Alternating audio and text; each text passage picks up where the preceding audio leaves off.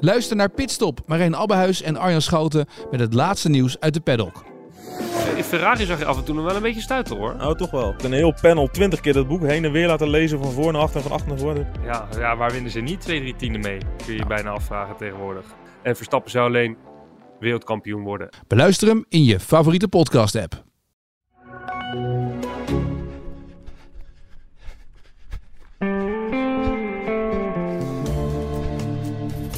Ja, welkom bij weer een nieuwe aflevering van de Pacer. Met dit keer een zeer mooi thema, al zeggen we het zelf. Diep kunnen gaan, afzien.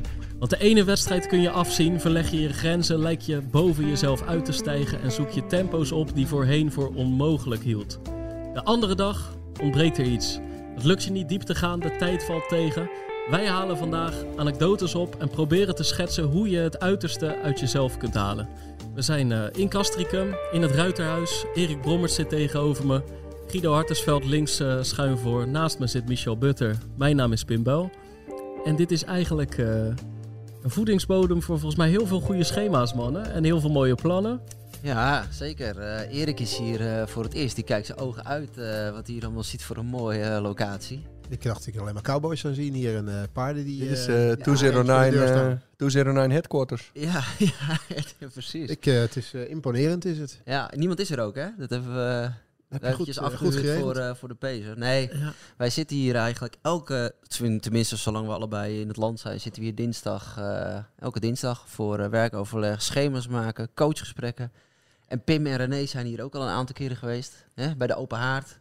Diepgaande gesprekken. Komt er af en toe een schouwtje met lekkers voorbij? Ja. Daar pakken wij nooit wat van, hè Guido? Ja, nee, nee, af en toe misschien. En, en, en op een gegeven moment heb ik met René de deal van... ehm, Neem maar gewoon en dan paast hij hem door. Ja. ja, ja, ja. Vertrekken hier ook, uh, vertrekken hier ook uh, uh, trainingen vandaan, of niet? Nee. nee maar het is wel nee, een goed nee, idee met die stal hierachter. Ja, precies. Nee, dit is... Oké.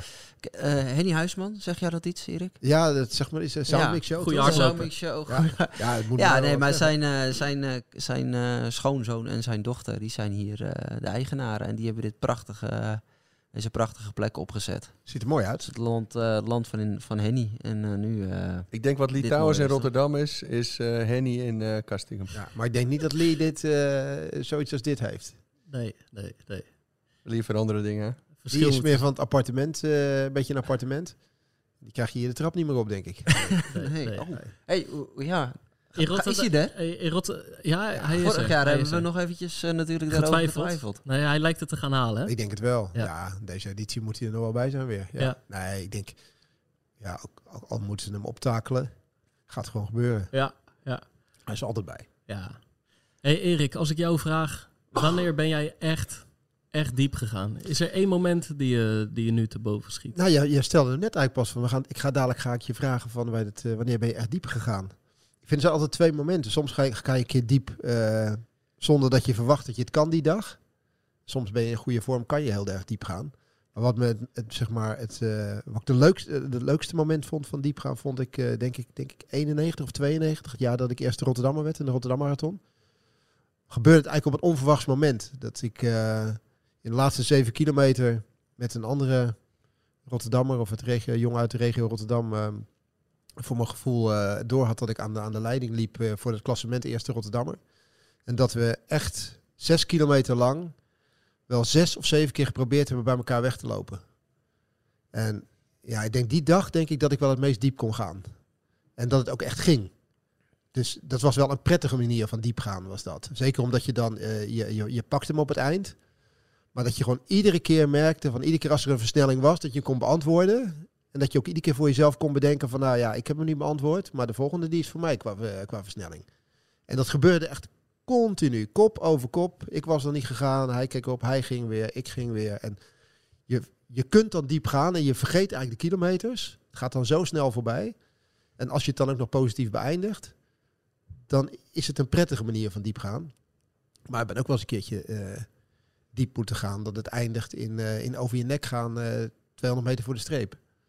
En dat is dan, een, vind ik, een minder positieve manier van, van diep gaan. Want dat betekent gewoon dat je, dat je het net niet redt die dag. En waarschijnlijk niet helemaal goed, goed verdeeld hebt. Dus ik vind er zo een beetje twee, twee manieren waarop je, waarop je diep kunt gaan. Eén die zeer bevredigend kan zijn aan het einde van de rit. Omdat je het continu kunt, eh, kunt, kunt beheren, als het ware.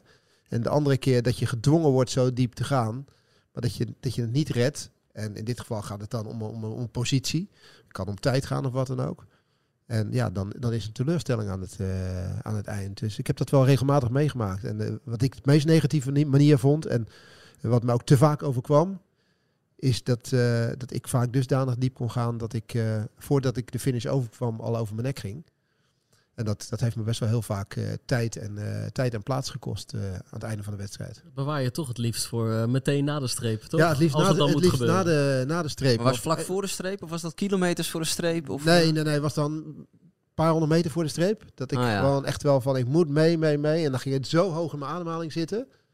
Gaat ook een dingetje worden dan, hè? Ja, ja serieus, ja. En ik, ik wist ook niet wat ik daaraan echt moest, eh, moest, moest veranderen. Om dat, om dat eruit te krijgen op de een of andere manier. Maar ik, het heeft me echt wel een paar keer eh, flink mijn kop gekost. En ik baalde daar dan echt enorm van. Maar het wordt ook een afleider. Als, op het moment dat je diep gaat in de laatste paar minuten. Ja, nou vooral ook omdat de benen wel willen. Ja, Alleen je adem wordt gewoon afgesneden. En Ja. je moet gewoon op de rem. Omdat je, je voelt het gewoon opkomen. Dat het gaat, eh, gaat gebeuren. En het is ook nog eens een keertje gênant, vind ik, als het, eh, als het gebeurt. Want het ziet, er, het ziet er niet echt erg, heel erg leuk uit. het kan er ook aan de onderkant uitkomen. Hè? Ja, dit heb kan altijd slechter. Nee, Daar had ik dan geen last van. Ja. daar hebben we ook al een paar anekdotes van. Ja, Guido, weet ik ook vertel. wel. Ja, nee. Nee, daar had ik gelukkig geen last van. Maar dat, nou ja, ik weet niet wat, ik weet niet wat slechter is. Dus als je een korte tijd dan hebt en niemand ziet het, dan vind ik het wel prima. Maar ik, wat ik, als het, ik vind, als het aan de bovenkant uit, weet je, je moet gewoon in de rem. Het kan Ja. niet anders. Je voelt het aankomen. En de enige manier om het te voorkomen is dat je een paar stappen terug moet doen. Ja. en vervolgens loopt de concurrentie bij je vandaan. Dan is het gewoon klaar. Het is heftig. En dat vind ik echt wel... eh eh, het, is mij, het is mij te vaak overkomen. Het heeft me te vaak wel, eh, wel de kop gekost. Maar je hebt het nooit beheerst. Het is nooit Nee, ik heb, het, ik heb het nooit goed kunnen, nooit Ja. goed kunnen beheersen. Ja. Het is iets waar ik toen ik bij Errol ging trainen, met Errol over gehad heb, dat ik dat vaak gehad heb. Ik moet wel zeggen, toen was wel nadat ik eh, eh, echt mijn hele fanatieke periode met lopen gehad. Maar sinds ik eh, bij hem trainde, heb ik daar eigenlijk geen last meer van gehad. Hij had het, had het er puur over, over dat het ook wel te maken had met misschien wel ontwikkeling bovenlijf en alles. En, en die luchtwegen gewoon beter kunnen openen op een bepaalde manier. Maar ik merkte gewoon dat ik ja, soms echt dusdanig ver kan gaan. Ik kwam gewoon echt, ja, het lijkt wel of mijn strot afgesneden werd zo'n beetje. Het was echt niet dat ik, het was totaal niks met nervositeit of spanning te maken of zo. Het was gewoon puur met intensiteit te maken. Dat ik, eh, Nou, je hebt wel, ik, dit, maar dit is hard op nadenken, want ik heb het bij jou niet kunnen zien. Maar je hebt natuurlijk wel mensen die bij hoge intensiteit bijna gaan hyperventileren. Gewoon niet hebben geleer, geleerd, aangeleerd, geoefend hoe je functioneel kan blijven ademhalen bij een hoge intensiteit. Want waarschijnlijk kun jij die intensiteit wel aan, maar gebeurde er toch iets... ja, maar het voelde totaal niet als hyperventilatie of zo. Oké, nee, Totaal maar da- het, daarom, het Nee. was hard op Ja, nadenken. ja, maar, nee, eh, maar dat, zo voelde het totaal niet. Weet je, omdat de benen gewoon goed waren. Ja, misschien is altijd hij... gewoon in het laatste stuk. Dat je ja, dingen moest forceren om bij te blijven. Ik was ook niet iemand van een eindsprint of zo. Maar ja, de tempo gaat omhoog. Je wil mee, je wil mee. Je benen zijn er goed genoeg voor. even een Alleen op een gegeven moment eh, trek je dat eh, niet meer. Ja, nou, dan, Maar misschien zit Pim wel in de goede richting. Alleen geef je de verkeerde duiding aan. Misschien is het niet hyperventileren, maar technisch verkeerd ventileren. zou Ja. kunnen. Of ja, te zou oppervlakkig kunnen. Ik- ventileren, Ja. whatever. Maar ik kon er niet. Ik, ik heb eh, tijdens echt mijn, mijn fanatieke actieve carrière nooit echt een goede oplossing voor kunnen, kunnen vinden. En ik baal er echt enorm van. Omdat je gewoon keren echt had. Ja, mijn benen zijn zo goed. Weer dit klote traject wat het, eh, wat opzet. En of, het dan, of je het dan moet vertalen dat, dat je niet diep kunt gaan of wat dan ook. Of, weet ik niet precies. Maar ik leg het wel bij dit onderwerp dan maar neer. Weet je, dat het wel onderdeel is van, van diep gaan. Van ja, zo, ik, ik, zo ver ging ik dan maar wel. Weet je, van ja, dit, is- dit is het. En eh daar houdt het mee op. En jij Guido? Of ik wel eens over mijn nek ga? Ja. Nou, ik heb het met tandenpoetsen. Als ik dan, nee, serieus. Als ik dan te ver met die, eh, met dat, ik, een of andere rare reflex. Dat ik, eh, Jij stopt hem je huig in. nee, ja, ik denk, Maar dat wat, is wat de bedoeling of zo? Nee, nee, dat heb ik gewoon. Dat ben ik gewoon. eh, dat, dat, is, dat is een reflex. En dan ga je al denken. hè. En, eh, dat, nee, geen gek. En dat maakt me ook een beetje nerveus bij de tandarts. Ik ben helemaal niet bang. Ik, ben, ik vind het ook verder prima. En ik kan heel tegen die pijn. En eh, dat vind ik helemaal niet. Maar je zal dat maar wat jij hebt, maar hebben in die stoel bij die tandarts, weet je wel. Ja, dat ziet er dan, dat is nog gênant. Ja. Dat, ja. Dus eh, ja, diep gaan. Ja, dat, het is een heel mooi onderwerp. Eh, of het, ja, we gaan hem straks misschien wat breder kaderen. Wat we hebben, het, het maximale eruit halen. Of, eh, Ja. of is, heeft het te maken met pijnbeleving? Ja, ik kan heel veel voorbeelden wel voor de geest halen. Tenniswedstrijden met eh, de dramatische, of de, ja, iconische, dramatische uh, drie-setters in de finales. En schaatstochten met, en ook zeker hardloopwedstrijden heel lang geleden. Maar ook als coach, dat je, dat je ook voor je gevoel heel diep gaat in het proces met iemand. En dat je aan het eind van het seizoen ook wel leeg bent. Of aan het eind van het kampioenschap tegenslagen moet overwinnen. Of uh, iemand gewoon vreselijk bij de les moeten houden. Of, of sowieso dat een samenwerking je geen energie geeft. En dat het daardoor uh, voelt als diepgaan. Uh, dus ja, we kunnen ook diep gaan definiëren als alles waarbij je de accu weer moet opladen. Dus ja. Ik heb dan een voorbeeld. Want nu je het zo zegt, denk ik, wat, ik, was, ik ben, kom net terug uit Salt Lake City. En nou ja, lange periode met de schaatsers in Park City geweest. En dan komt het uh, raceweekend eraan. En dan, nou, dan begin je dan van ochtends tot aan het einde van de dag uh, hebben we wedstrijden. En ja, ik had wel echt het gevoel van, nou, ik was wel scherp, goed aan het observeren, zat er lekker in. Nou, waren mooie prestaties, ook mindere uiteraard. Maar goed, zo gaat dat op, op, op een dag. En uh, waren een groot mooie busje, zo'n zo'n Chevrolet hadden we. En we kregen een paar schaatsers naar huis. Nou, echt, die, die, die hebben een paar keer geschreeuwd naar me voor hun leven. Omdat ik gewoon, ik was gewoon helemaal klaar, weet je wel. Ik was gewoon echt even wel uitgecheckt. Geschreeuwd omdat je in zat te kakken? Ja, gewoon echt, echt dat ik dacht van, oké, ja, ik, heb, ik had mezelf gewoon uitgezet. Van, oké, het is oh. nu, de, de wedstrijden zitten erop of zo. Oh, en ik voelde echt gewoon, uh, ja, leeg. Gewoon even, oh, het was wel echt een, een intensieve, intensieve dag. Waarvoor ik voor mijn gevoel wel de hele dag scherp was. En, en, en ik dacht van, ja, ik heb geen fouten, of daarin geen fouten gemaakt. En het was echt, echt een fijne dag. En dan ga je nog even in de, in de auto terug over nadenken. Denk, nou oké, mooi, het zit erop. Maar het zat recht op, midden op de snelweg. Ja, ja, ja, ja, ja, ja. ja. net, net even te vroeg. Maar betekent dat? De gedachten waren gewoon even helemaal niet daar waar het moest zijn. Ja, maar ik vind het lastig als je met, met, met sporters die je begeleidt reist. Dan is het, sta je ook nooit echt uit. Uh, want je krijgt altijd nog die vraag over die wedstrijdplanning. Of, dus ik blijf altijd wel, wel alert en zo. Ja, ja, maar toen was iedereen, zeg maar, iedereen was uit. Muziekje ging aan en ik ging... Ja, ja en dan... Ja, ja, dus was echt klaar. even klaar, zeg maar. Ja. Nou, goed dat je er bent. ja, dat je er nog bent. Nee, maar, ja, wanneer, heb, wanneer... Je, maar heb, je, heb je dat niet? Dat je dan dat je dat gevoel als coach hebt, dat je dan iets afsluit en dat je denkt van, wow, ja, dat, uh, de, voor de, echt, van de voorbereiding zit erop of zo. Dat je zelf ook een beetje de batterij moet opladen na een marathon. Of nou, ik heb het wel met, auto, met autorijden bijvoorbeeld. Uh, ja, dan ga ik wel vaak, uh, als ik de luxe heb dat Wil rijdt, mijn collega, dan, uh, dan, zit ik wel naast. Dan heb ik wel heel vaak, oké, nu... Pff, en na tien minuten, na tien minuten zeg ik wel, ik, doe me, ik pak hem even, een kwartiertje, en dan weet hij. Ja. Maar je hebt het niet gehad als je bijvoorbeeld tijdens de marathon op de fiets mee zat? Nee, maar ik bedoel, dan beleef je die wedstrijd. Uh, je, je fiets mee, je kijkt mee, uh, je, je hebt die, die, die race heb je voorbereid met jouw atleet. Mm -hmm. Ik kan me voorstellen dat je als coach ook in je gedachten gewoon, gewoon diep gaat in, in, in, in coaching, in sturing en in beleving op dat moment. Ook al ja, ja, ja, ja, Maar dat het, je, dat het je gewoon heel veel energie uh, kost. Ja, en ook weer geeft. Dus dat is heel, vind ik heel moeilijk te beschrijven. Want ja, maar is... dit gewoon gaat over diep gaan. Dus dat... dat diep geven, diep krijgen, zeg maar. Nee, maar... Uh, Dus het kost je, en laat zo zeggen, het kost je op dat moment even energie. Dat je, dat is ja, maar jullie hebben dan de fysieke prestatie waardoor je jezelf helemaal leeg trekt. En dat heb je natuurlijk niet als je aan het coachen bent. Je bent wel scherp, je staat aan. En je, je, ja, het is ook de adrenaline kick. Maar ik heb al vaak dat is na afloop dat het, dat het gewoon uh, heel erg gaat malen. Of dat je denkt, had ik dus reflecteren. En dat, dat, misschien is dat ook diepgaan. Dat je nog te lang misschien doorgaat, doorgaat, doorgaat. Van wanneer is het dan klaar? Ja, op lange termijn. Maar inderdaad... Uh, dat je nog in je bed ligt en dat je nog... Weet je, ja, dus wanneer, ik heb, wanneer ik heb, is het klaar? Wanneer is het klaar voor jou dat je denkt van... Poeh, of dat je wel eens hebt gehad van... Morgen, want er ging zo lang over door als we gaan het straks hebben over het begrip concentratie. Nou ja, ja, een coach moet ook aan en uit kunnen staan. Ja, en, ja, en dat is super belangrijk. Net als sporter, om, om ook gewoon uh, uit te kunnen checken en, uh, om, en afstand te kunnen nemen en de, en de accu op te laden.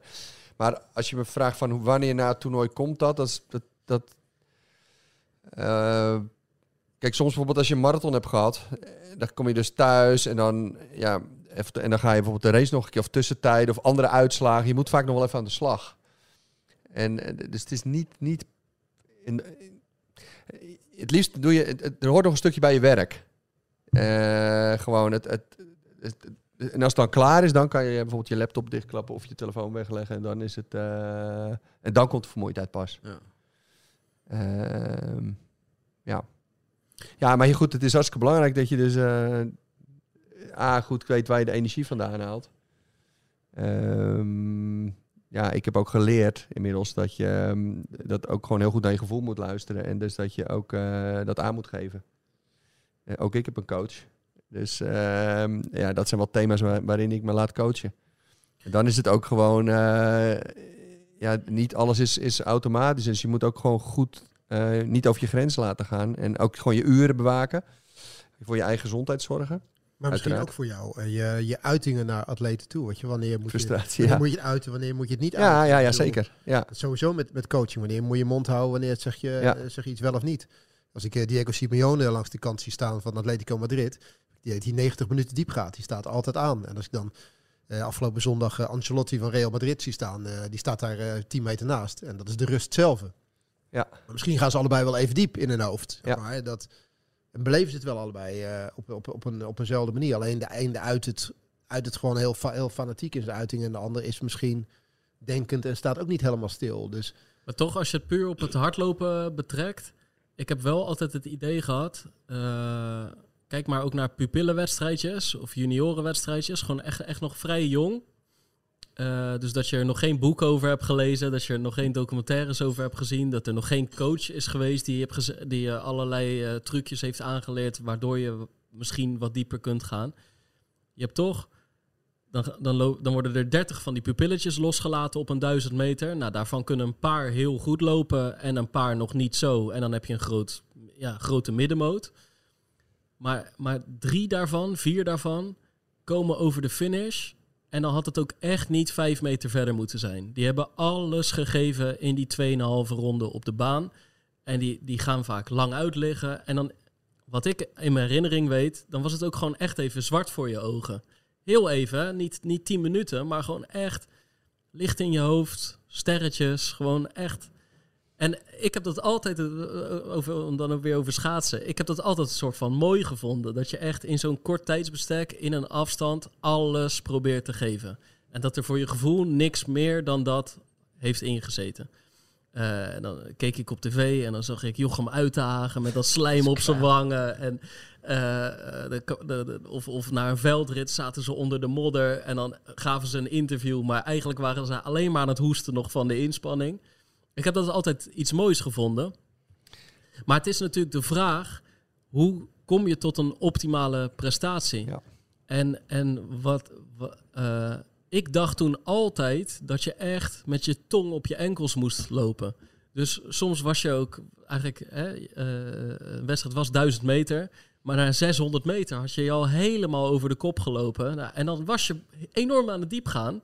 Maar ik vraag me af of het tot de meest, eh, of het tot het beste PR leidde. zeg is- maar. dat is die- de vra- Maar dat is ook... de- wat, Ja, nou, terug naar die kinderen. En dan hebben, hebben, hebben wij een mooi voorbeeld. dat Micha komt met een hele mooie vergelijking. Toen jullie er nog niet waren. Eh, bij die kinderen, je hebt ook die, die kinderen die ergens in die middenmoot lopen eh, te huilen. Ook een stuk of vijf wel, van die dertig. Die lopen te huilen en naar hun ouders te kijken. Ja. Gaan die dan dieper? Of, of dat is niet de, dus de uitingsvorm van diepgaan is niet per se hetzelfde. ja. Dus Michel, ja, ik ja, zei, ja, ja, Michel, ik, zei, ik zei van wie gaat, er, wie gaat er dieper?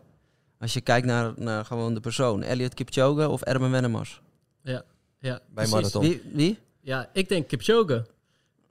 Ja. Ja, denk ik. Nee, we weten het niet. Nee, we weten moeten, het niet. We moeten Maar nog eens... nee, maar, maar ik, maar ik- maar de ik- uiterlijke kenmerken, dat zegt Ja. niets eh, over hoe diep je gaat. Precies. Het is eerder... eh, Wat, ja, bedoel, wat bedoel je? Hè? Wat bedoel je? Hoe, je, hoe het eruit ziet aan de buitenkant, dat, dat zegt niet voor hoe, die, Maar hoe voor de mensen, gaat. hoe ziet Elliot Maar, eruit? maar ook hoe je, maar ook hoe je, ermee, eh, hoe je ermee omgaat. Hè? Want je noemt nou Elite Kipchoge of Wennemars. Maar ik vind ook vaak een goed voorbeeld. Een, eh, een, een, een wielrenner die, eh, die alleen op kop rijdt met een jagend peloton achter hem en nog, eh, eh, nog 10 kilometer heeft te gaan.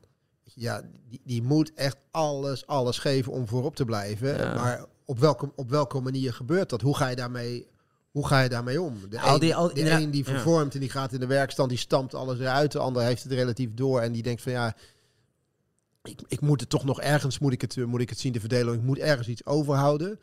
Maar het is, je kijkt heel vaak bij iemand naar uiterlijke kenmerken inderdaad. eh, Op het moment dat maar dat zegt helemaal gaat. niks. En dat zegt inderdaad Nee. niks. Want Kipchoge begint een soort grijns te trekken als het ware. Hè. Die Ja. denkt, zeggen ze, nou, hij lacht. Maar eigenlijk lacht hij natuurlijk helemaal niet.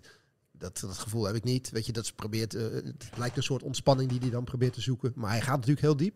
Heel moeilijk. Ik denk, ik denk dat Elliot in staat is, maar goed, dat, dat, dat, dat een, iemand is die juist ontzettend diep gaat. Omdat hij enorm goed is om in concentratie te komen en niet uh, dus, dus bezig is met dingen als uh, gekke bekken trekken of uh, dat soort dingen. Maar heel goed bij zichzelf blijft, heel erg intern.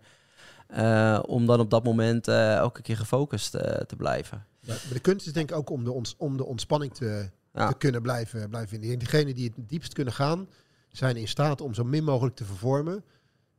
En, en te weten hoe zwaar het is, maar toch te, op de een of andere manier te kunnen blijven ontspannen. Want op het moment dat je er ook maar enigszins, nou, dat, dat weten we denk ik zelf allemaal wel, een beetje spanning opzet, extra spierspanning opzet, dan weet je dat het ten koste van je prestatie gaat op dat ja. moment. En hoe lang weet je dat vol te houden? Ik denk, degene die, dat het, die, die het best kan blijven ontspannen. En hoe train je op dat? Op het moment dat het erom gaat, ja, die, die pakt uiteindelijk de overwinning. Want iedereen weet dat het uiteindelijk, of het nou schaatsen, wielrennen of wat dan ook is, hoe langer jij in je techniek kunt blijven zitten die optimaal is, dat dat je de, dat, dat je de maximale prestatie gaat leveren. Dus volgens mij moeten we vandaag in deze aflevering een beetje op zoek naar hoe kom je tot een optimale prestatie. Ja. Maar, en, en dan, en dan, en dan uh, vooral ge, geënt op, zeg maar, uh, hoe ga je om met pijn? Uh, hoe ga je om met tegenslag? hoe kan je jezelf aanzetten? Wat, wat kun je bij jezelf doen om inderdaad dat persoonlijke record eruit te halen? Waarom lukt het de ene dag niet, de andere dag wel? Hoe train je het? Um, kan je het oproepen als het erom gaat? Ja. Ja, daar moeten we een beetje naar op zoek. Ja, toch? ik denk ja. dat Guido maar moet aftrappen. Misschien moeten wij straks onze uh, anekdotes nog ja. maar vertellen. Want ik denk dat we nu naar, uh, ja, wat ik, leuk ik, om naar het thema te komen. Ja, want we bereiden het nooit echt voor met elkaar. Behalve dat je nu een onderwerp uh, stuurde en dat ging over diep gaan. Dat is wel, uh, en toen, toen zeiden wij al heel snel, uh, dat is heel moeilijk meetbaar. Waar, net, waar we net al, maar goed, hebben we het allemaal net over gehad. Ik denk dat je, dat je het inderdaad het beste kan ophangen aan ehm, alles uit jezelf halen. En alles aan, aan jezelf is eigenlijk precies wat Erik net omschrijft. Dat is het begrip concentratie. En ik denk dat dat een wel mooie kapstok is. En wat namelijk in concentratie, dat is een toestand, dan heb je precies wat jij net omschrijft. Concentratie is de toestand waar je uiteindelijk, dat is heel absoluut. Dus je kan niet een beetje zwanger zijn of een beetje. Hè, dus je, bent, je zit erin, in concentratie. En dat is de toestand die zich kenmerkt door gemak, automatisme, taakgericht handelen, pijnperceptie verandert, tijdsperceptie verandert. Er zijn een aantal kenmerken. Je wordt heel alles, helder. Alles lijkt vanzelf te gaan. Ja, ja, en als ik dat nu uh, in één minuut kon verkopen, dan was ik, uh, zat ik hier niet, zeg maar. Dat het, uh, maar dat is wel de toestand waar we het over hebben. De toestand van in concentratie zijn. en dat is het model. Um, ja, ik ben veel bijscholing en heel intensief samengewerkt met Jan Huibers. Dus credits voor hem. Dus de, de, de, de, de schrijver ook van Action Type, sportpsycholoog. Heb heel vaak mee mogen werken. Dus daar ben ik heel erg door beïnvloed. En het model is op zich simpel. Uh, had gewoon een heel mooi formuletje.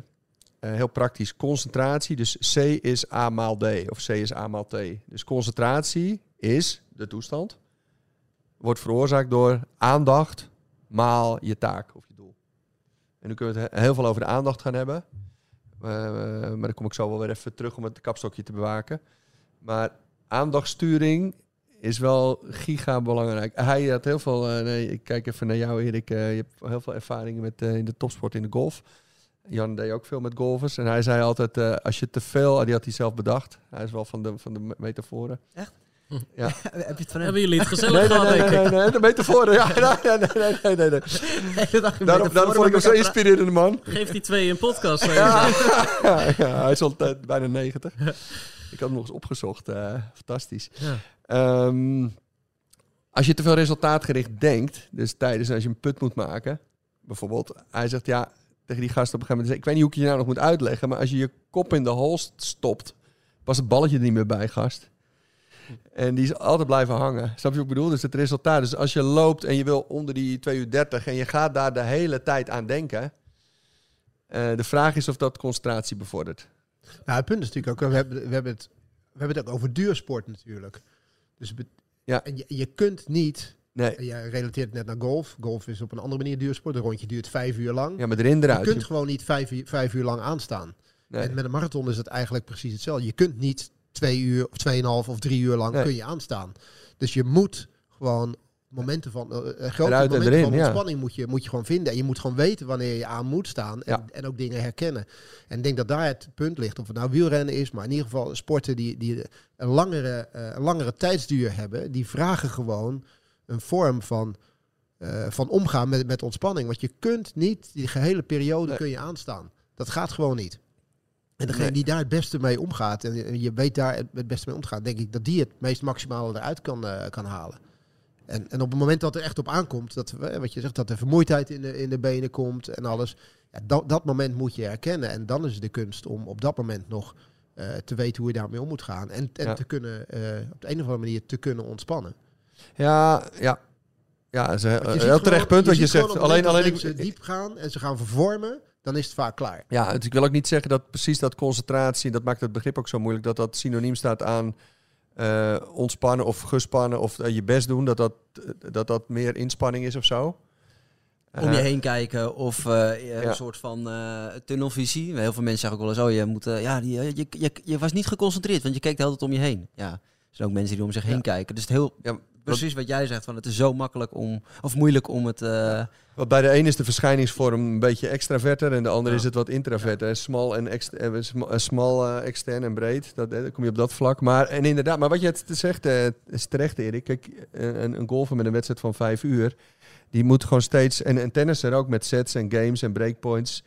En, en, en dan weer een wissel en dan weer. Hè, dus je moet aan, uit, aan, uit. En dat is ook prima. Maar je hebt er natuurlijk niks aan als, als marathonloper om. eh, ik zat er heerlijk in het eh, eerste half uur. En eh, alleen maar gedachten en frustraties en afleiders en pijn en twijfel. Ja. En, Juist die gedachten die je continu hebt. Weet je, Die je komen. Heel, het, het geeft, die, al die tijd geeft je allerlei mogelijkheden tot allerlei gedachten. En Ja. misschien voor Michel, wat ik wel interessant vind. Ja, Michel, jij- jouw marathon die, je best, die, waar je goede ervaringen hebt met New York bijvoorbeeld. Weet je, je, je moet in New York moet je genieten, dan moet je ontspanning hebben, noem maar op. Maar ik weet wel, die keren dat ik daar altijd gelopen heb, dat ik bijvoorbeeld zoiets had, het moment dat je de Queensboro Bridge overgaat, 25 kilometer, dan kom je op een gegeven moment op First Avenue, waar ongelooflijk veel publiek staat. Dat ik zoiets had van, nou, tot die tijd kan ik redelijk ontspannen. Maar als ik daar die brug afkom en ik kom Manhattan binnen, tussen dat grote publiek, dan moet ik even aanstaan. Dan moet ik even gaan opletten en dan moet ik mezelf, mezelf niet gek laten maken. En jij hebt, eh, jij hebt daar, ben je die brug afgekomen, dat je gewoon eh, mee in de lead was. Hoe, hoe ging jij daar toen, eh, toen mee om? Want dat is denk ik ook een moment dat je als marathonloper eh, moet schakelen. Want je gaat lekker, je enthousiasme zit er helemaal goed in. Guido, je mag mijn koekje. Ehm, nou, het geldt eigenlijk voor heel veel van eh, dat soort momenten die je onderweg hebt. Dus inderdaad, wat jij zegt, je bent voorbereid eigenlijk op het afgaan van Queensboro Bridge. Het, het wetende dat er een miljoen mensen langs de kant staan. Wetende dat, oké, ik moet dan nog wel me inhouden. Want ik zit pas op, eh, het is 26 eh, kilometer. Maar je komt in een vol voetbalstadion terecht Ja. in één keer. Ja, ja, ja, ja. En het loopt nog een beetje vals plat omlaag ook. En, eh, en op kop. Ja. Ehm, maar wat dus het interessante is, is dat dat dus... ehm, dan gaan we wel iets breder, maar dat is dus één van de dingen waar je al wel op voorbereid bent. Wat een soort van een taak is. Van oké, als ik daar ben, ik blijf rustig. Ik eh, zorg ervoor dat ik eh, nou ja, weet van oké, we zitten nu op 25 kilometer. Ik moet mijn energie sparen. Oké, eh, welke kant van de weg moet ik hebben? Dus je bent continu eigenlijk weer... je bent continu bezig in het, in het, in het hier en nu. Dus het is moment, een moment in de wedstrijd... waar je op voorbereid bent en weet van oké, ehm, ik moet straks nog een 17 kilometer. Let daarop van tevoren. Wat je zag als je naar Michel kijkt, en dit, dit, dit zat, wat zat wel in ons eh, raceplan. Dus eh, let op wat jij zegt, hè? precies wat jij zegt. Het, eh, je, je komt in een, voetbalstadion, maar wij hadden wel gezegd, maak daar gebruik van. Want hij is daar goed in. We wisten ook een beetje hoe de tactiek zou zijn. En het zag er niet uit als iemand die als een pupil... ehm, eh, weet je, het zag iemand die volledig zichzelf was en echt op zijn best. En dat zie je dus ook aan de vloeiendheid van bewegen en de ademhaling. En, eh, dus het was helemaal niet, oh, nu is het publiek, oh, nu ga ik als een, als een gek een soort eh, overhyped tussensprint doen of zo om in beeld te komen. Nee, het was juist, ehm, ja, we zaten te kijken op die beelden. Kijk, hier zit hij er helemaal in. En, en dan is het ook, neem initiatief, maak er gebruik van. Voel ook goed wat je kan. Ja, ik ging ik ging, ik weet dat publiek of, of, of een camera of eh, dat deed me altijd heel goed. Ik werd er niet van, eh, ik, ik, ik, dat was onderdeel van mijn, focus. Gewoon de, de, de, nou, het, het horen van, van het publiek. Dat gaf me juist... eh, maar ik wist wel de controle dan te bewaren. Wel bij mijn plan te blijven. Ja, en volgens mij dat, zeg maar, die controle bewa- bewaren, dat kan als je aanstaat. Als je geconcentreerd bent, als je er goed in zit, als je een goed plan hebt, als je van tevoren hebt bedacht wat er kan gebeuren, verschillende scenario's. En dan, dat maakt de kans groter dat je in dat hier en nu de juiste keuzes blijft maken. Ja, want je regisseert precies eh, wat de juiste intensiteit is. Weet je, je leeft daarin. Je bent, staat helemaal aan. Je wordt niet gehinderd door gedachten. Zal ik een, eh, een, Ja. een slecht voorbeeld geven? Eh, uit eigen, eigen, eigen doos. Vorig jaar was, was dat vorig jaar of het jaar daarvoor? Jaar daarvoor was CPC Den Haag. DNF, Kan, nee, ik heb hem wel uitgelopen. uitgejogd. Was dat die? Ja, precies. Ja, oh ja, Volgens mij was die in het die najaar, kan dat? je- Het was een rommelige, eh, rommelige aanloop volgens mij toen. Maar Ja, Oké, nou ja, in, ja. in elk geval. ehm, eh, het was volgens mij in het najaar. Een, Ja, het een- langer- het najaar verplaatste CPC. En ik had een week daarvoor had ik eh, bruiloft waar ik uh, trouwtoga voor had aange- aangetrokken. En eh had ik nog gefeest. En toen ging ik een werkweek in. met of zonder over je nek. Ik had op zich wel eh, een doel gemaakt van de CPC. Maar het was niet dat al twee maanden lang mijn vizier op die ene dag stond. Toen was het ook nog zo dat ik, eh, ehm, dat ik toch wel verhalen hoorde dat Kipchoge wel erg goed was. En op dezelfde dag werd eh, de marathon van Berlijn gelopen. Die start om 9 uur 's ochtends. CPC start om 1 of 2 uur 's middags. Nou, alle collega's keken me aan. En toen dacht ik, oké, nou ja, dit is niet de marathon van Rotterdam, waar ik al drie maanden lang alles voor in mijn leven heb gegeven, tussen aanhalingstekens.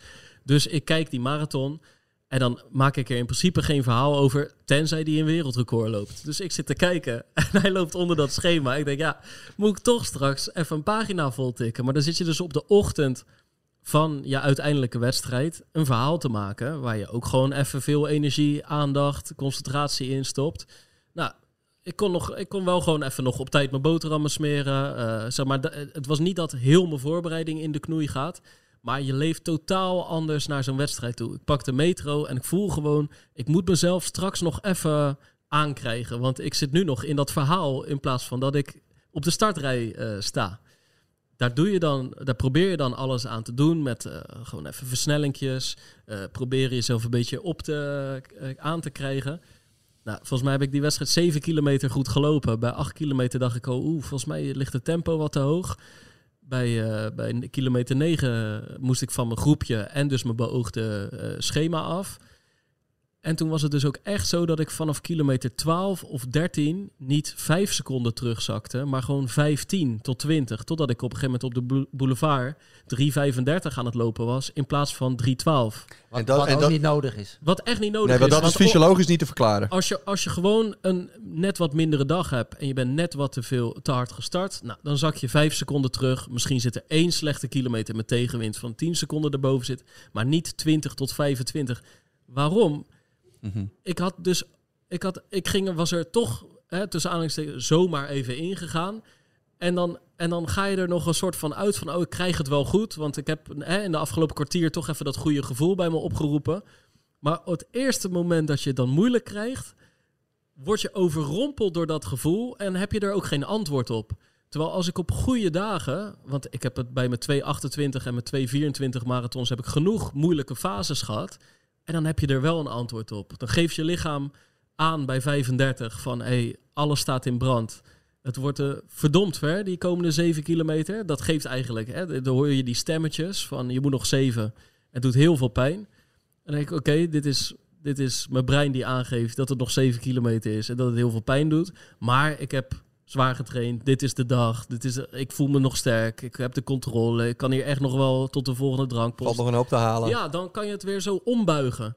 En Maar op dit- dagen dat, je, dat ik er niet bij ben met mijn hoofd, heb ik dat antwoord kan ik veel moeilijker vinden. Maar dit is waarom je dat... Ja, heel mooi voorbeeld. Heel mooi voorbeeld. Heel, heel eh, herkenbaar voor de mensen, denk ik. Dit is ook waarom je dat op een woensdagochtend niet kan leveren. Ja. Die tempo. Dat is precies het verschil. Even terug naar de kapstok. Ehm, om in concentratie te komen, de A van aandacht. Ehm, kijk, jij, jij, je beschrijft het heel goed vanuit de beleving van een sporter. Je, eh, je, hebt het dan over... Iedereen kent dat, hè? Aanstaan, het juiste gevoel. Ehm, maar het is wel iets meer dan dat.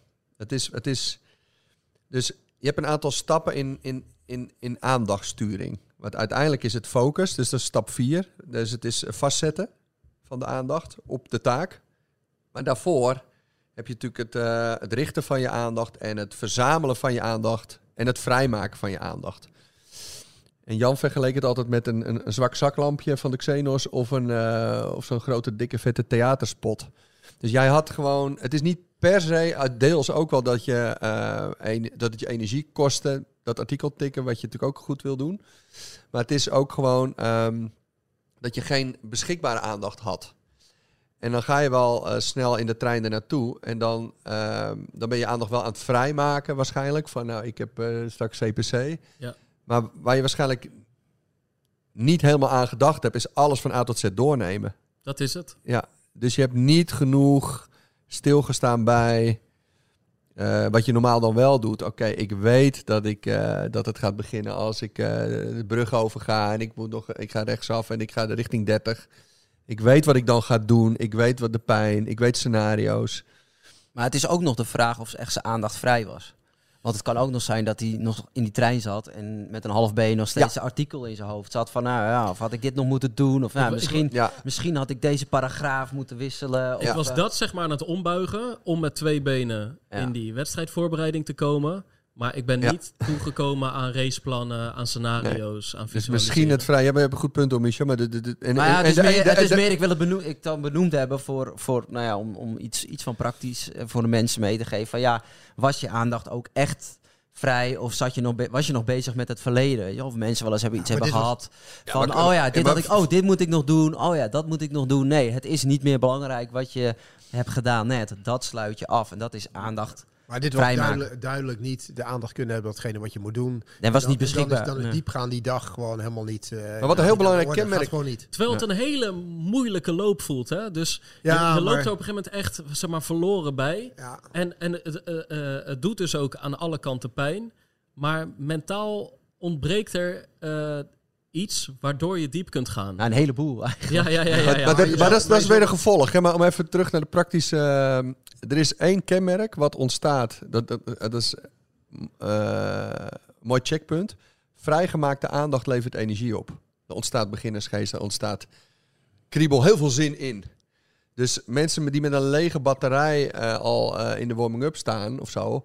Ja, die hebben zich suf gepiekerd. Of die zijn met te veel artikelen, of weet ik het. Of die hebben nog... eh, Of twijfelen. of- Weet ik, Ja. ja, dat, dat- maar het vrijmaken van energie, of het vrijmaken van aandacht, levert gewoon heel veel energie op richting wat je gaat doen. Dus het is een soort, soort pakjesavondgevoel moet je hebben. Of die date die je, of, dat, of je vriendin die je, die je weer van Schiphol kan ophalen of zo, weet je wel. Dat het niks anders, jongens, we, vanavond wordt het leuk, want ze, is er weer. ze is er weer en ehm, Ik las laatst een onderzoek. En volgens mij, eh, los van dat je dat onderzoek leest en dat het goed is dat het dan wetenschappelijk zeg maar, wordt vastgesteld, is volgens mij herkennen we dit ook allemaal in ons dagelijkse leven en in onze dagelijkse trainingen. Het onderzoek was gewoon gaan eh, uitzoeken. Wat gebeurt er bij sporters die in het kwartier voor hun training nog op hun mobieltje zitten? ja. eh, ten opzichte van eh, ehm, atleten die, sporters die op dat moment gewoon één ding aan het doen zijn. Mocht zelfs nog een documentaire kijken zijn. Maar dat is dan, dan ben je bezig met één ding. En, en, en op je mobieltje ga je natuurlijk van, van emotie naar Ja. emotie. eh, eh, Het is echt een brei aan informatie. Zeker Hm. als je aan het scrollen bent. Ehm, en gewoon de, de stimulans van de trainingen, of hoe, hoe zeg je dat? Zeg maar het resultaat van de trainingen was... De respons. respons, precies, respons. Was vele malen hoger bij degene die een mobieltje gewoon al een kwartier eh, geleden Vooraf. eh, vooraf weg hadden gelegd. ja, en na afloop ook. Ja, maar En kan dat- je dat voel als je je, als natuurlijk, je als persoon allemaal dingen de hele tijd druk bezig bent en eh, de hele dag dat multitasken, dat klinkt allemaal heel tof. Ja. Maar ja, als je gewoon iets, één ding heel goed moet doen, dan moet je aandacht gewoon vrij zijn. Dan moet je mindful zijn. Dan, eh, Maar goed, als die aandacht vrij is, dan heb je de basis gelegd om een goede wedstrijd te lopen. Stap 1. En vervolgens... ehm, eh, Ja, dan moeten we nog meer doen met die aan. Dus stap het 2 verder- is de het, volgende- eh, de het volgende stap. Ja, nou, dat is het gewoon wel een goed raceplan. Ja. En, en, en nog maar even terug naar, de, naar dat vrijmaken. Je komt aan als je nog laat bent. En waar is dit? En waar, waar moet ik mijn startnummer halen? En waar is het vak, inloopvak? En, en, en kan ik wel parkeren? En dan is allemaal afleiders. Dat moet je gewoon allemaal op orde hebben. Dat trekt allemaal... Dat, dat kan complex zijn. Maar dan moet je op voorbereiden. Dan moet je wel zo min mogelijk energie eh, eh, kosten. Want dan ben je druk, druk, druk, druk, druk. Maar het verzamelen van de aandacht is gewoon het, eh, het, ja, gaan nadenken over je taak. Waar wordt het zwaar? Waar, hoe ga ik drinken? Hoe moet het voelen? Wat zijn de mantra's die je tegen jezelf zegt bij moeilijke momenten? Wat doe je als, het, als de splits niet helemaal kloppen? Eh, eh, als je weer dat gevoel gaat krijgen, ik ga over mijn nek. Ehm, eh, eh, dreigende kramp. Ehm, ehm, wat doe je als je de, de First Avenue opkomt en de, de, de publiek hype? Dus al die dingen, dat is, dat is natuurlijk wel een beetje... eh, En weet, je, helder ook- weet je wat ik ook een belangrijke vind? Wat doe ik als er iets onverwachts gebeurt? Ja. Want, zeg maar, want Ja. we, kunnen nu 30 van deze voorbeelden eh, eh, Ja. eh, opnoemen. En, de- en kijk, bijvoorbeeld, wat doe ik met drinken tijdens een. en, en met jelletjes bijvoorbeeld tijdens een marathon is een duidelijke. Daar moet je over nadenken.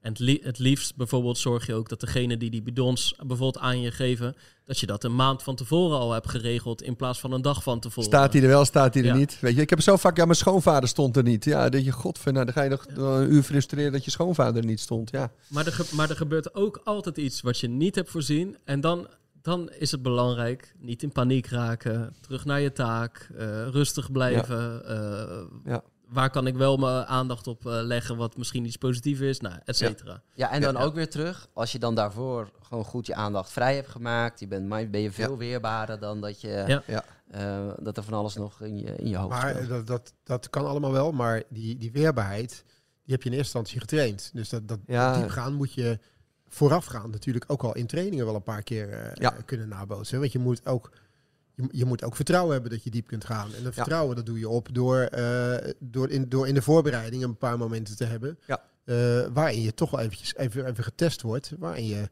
eh, toch een paar keer een intensieve training hebt. Waarin je diep moet gaan. ja, dit brengt ons denk ik op, op de plaats en het nut van key-sessies. En dat moet je natuurlijk ook niet te vaak doen. Eh, nou, Michel zal zo wel even vertellen wat we afgelopen zaterdag gedaan hebben. Maar key-sessies voor marathon zijn wel degelijk belangrijk. Want je moet dat gevoel wel opzoeken. Maar eh, niet elke sessie is een key-sessie. En, en een heleboel...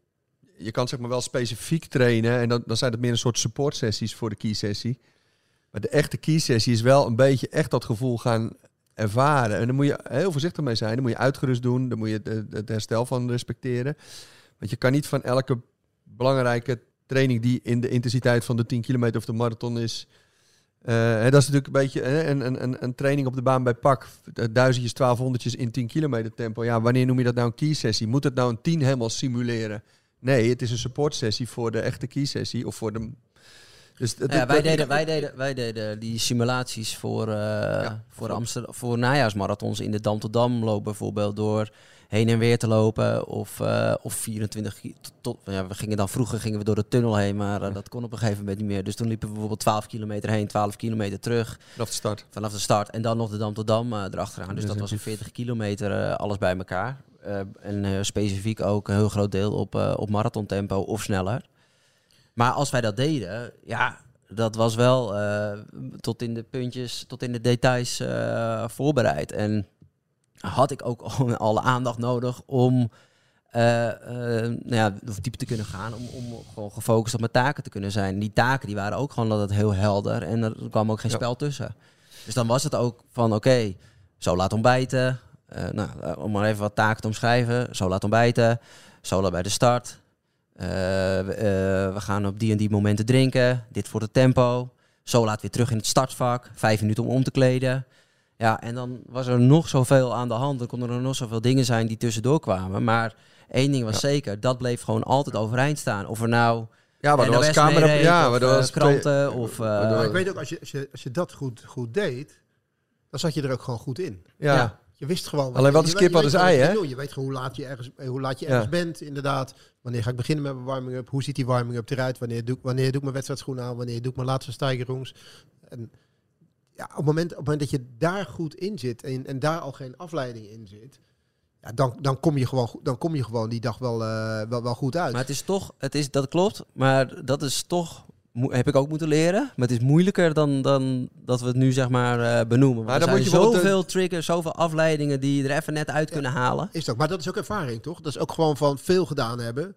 Eh, veel training gedaan hebben, veel, eh, Daarom- veel, veel ja. wedstrijden gelopen hebben, eh, veel in, in die situaties terecht zijn gekomen. Zeker. Weten hoe je dingen beter kan doen dan de, volgende, dan de keer daarvoor en alles. Dus in dit voorbeeld is natuurlijk, eh, wat we dan wilden simuleren, is natuurlijk de, ehm, eh, zeg maar de tweede deel van de marathon, wat je wil 40. Maar wat dan wel cruciaal is, het startschot gaat.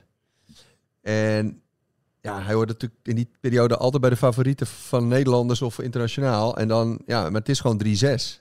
We gaan gewoon 3-6 doen. Nou, en dan is het natuurlijk, eh, nou, de pleuris brak nog net niet uit, maar Michel zat er niet bij in de kopgroep. Maar dat spreek je wel door. Wat doe je als, ja, maar stel dat tegenwind is en eh, weet je wel, of in mijn eentje. Nou ja, dat, die scenario's, die, die, weet je soms kan je het wel 3-4, 3-5 mee in de kopgroep, maar je moet gewoon niet heel hard. en dat, dat, ja, en dan, en dan alleen als je super uitgerust bent, bijvoorbeeld in dat voorbeeld van de damloopsimulatie, alleen als je eh, je heel fris voelt en je zit op 38, ja, dan kan je wel even twee kilometers poef doen.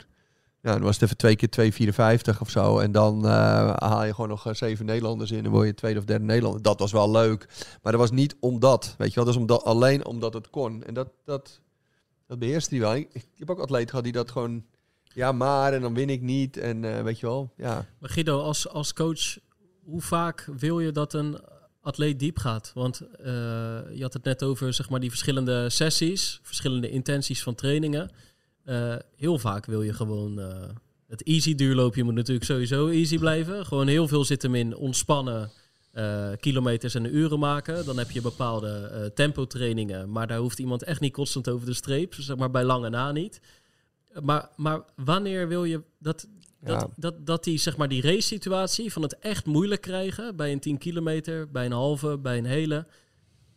Hoe en, en op welke manier wil je die enigszins nabootsen? Het is, het is een hele cruciale en interessante vraag. Ehm, we kunnen dit niet generaliseren in die zin. Het hangt heel erg af van de sporter. Ehm, eh, ik, ik denk dat een, een wat minder getrainde sporter heel makkelijk over die, die grens kan gaan op die manier. Maar dat zijn ook wel mensen die heel vaak gewoon wel per se het schema willen volgen, ongeacht het weer en de, de omstandigheden.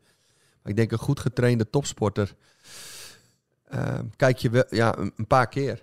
En, eh, en, maar wel. een paar keer in een voorbereiding. ja, een keer of twee, drie, denk ik. Misschien vier. Hangt er ook vanaf met de, de, de, de, de tijdspannen tussen de key-sessies. Ja. Je moet niet eh, zes WK's, eh, bij wijze van spreken, eh, voor je gevoel hebben. En waarom niet? Omdat het gewoon te veel kost? Ja, ja, dat kost gewoon te veel, denk ik. En, en je moet ook heel goed kijken naar de, de Kijk, die key-sessie staat dan wel centraal. En dat is wat je vaak ziet. Mensen gaan dan key-sessies kopiëren of nadoen. Of je moet dan, weet ik wel, vijf keer vijf kilometer in marathontempo doen. Maar week in, week uit. En ook met de...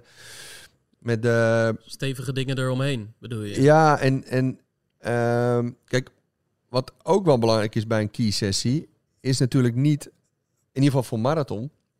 En we zitten nu natuurlijk, eh, ik weet niet wanneer deze podcast, eind februari of zo, dan zitten we hè, nog. Over eh, een weekje, 14 februari. 14 dus nog twee maanden. ja. Dan, ehm, ja, dan hoef je een key-sessie kan. Het gaat natuurlijk ook om hoe fris ben je aan het eind van een key-sessie. Want als je een key-sessie doet van 28 kilometer of 32 of 34, dan is het niet eh, het maximum eruit halen, maar eh, ook het gevoel kalibreren van oké, zo voel ik me op 32, maar ik hoef die laatste 10 nog niet. En dan kunnen we dan, als dat goed gaat, naar 34. En dan kunnen we als we goed gaan naar 36. Dus een key-sessie is niet...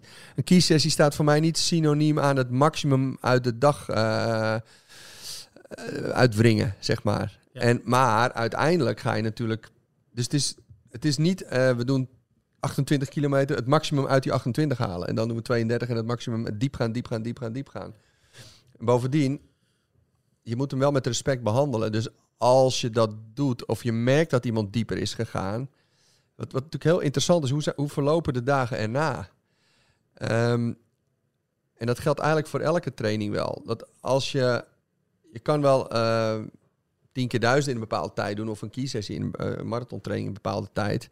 Maar, maar wie heeft een gunstigere prognose? Degene die vier dagen hele zware benen heeft en heel veel spierpijn, of degene die, die fluitend herstelt? Dus tegen welke En daardoor trainingen kan blijven doen. Ook, maar als, als je een indicatie of een voorspelling wil halen uit de key-sessie, dan is de, heeft die ene gewoon heel erg zijn best gedaan, is heel diep gegaan en haalt dan wel tijden.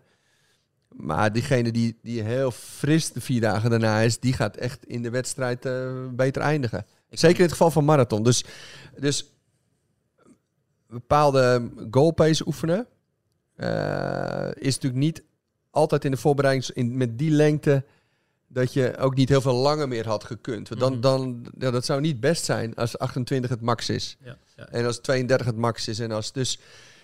Ja, en uiteindelijk ga je natuurlijk wel op dat punt komen dat je wel een keer moet voelen van hoe voelt nou 40? Of hoe voelt nou eh 38? Maar en heel goed kijken naar de respons. En heel goed voorbereiden van zo'n key-sessie. En als je, eh, kijk, topsporters herstellen natuurlijk ook gewoon heel, heel snel. Maar als je nou eh, eh, wel een recreant begeleidt die drie keer in de week traint. En die, die wil een eh, 10 kilometer hardlopen. Doe je dan toch een keer een training waarop diegene een beetje dat lastige gevoel van die dag te, te, ja, gaat merken? Ja, kijk, uiteindelijk moet iemand vroeg of laat klaar zijn voor de specifieke fase. Dus dat is de belangrijkste voorwaarde. Daarom zeg je ook van ja, het is wel afhankelijk van de getraindheid. Dus je gaat niet als iemand zeg maar totaal geen aerobe basis heeft gelegd, in één keer met een specifieke kiesessie komen. Dus je moet eerst voor zorgen dat de fundamenten er zijn. Ehm, en vervolgens ga je dan wel, eh, bijvoorbeeld iemand richt zich eh, op eh, schorrel. Ehm, ja, stap voor stap toewerken naar dat evenement. En dan is het wel de bedoeling dat de respons zeg maar, niet dusdanig hoog is. Dat iemand er nog dagenlang van eh, moet herstellen. Maar je gaat hem wel ja, leren, eh, zichzelf leren te pezen op het eh, 10 kilometer tempo. Dat ten eerste. Dus gewoon, we hebben natuurlijk en gewoon op goal pace gaan. Maar ook gewoon het ervaren van, eh, van, die, eh, van dat tempo. Dus het leren, gewoon ja, de intensiteiten leren aan te voelen. Dus ja, je gaat, hem voelen wel aan, je gaat hem wel steeds meer voorbereiden op het specifieke evenement. Ja, hoe diep moet iemand gaan? Ja, je wilt niet dat hij zo diep gaat dat hij er nog dagenlang herstel van eh, moet hebben.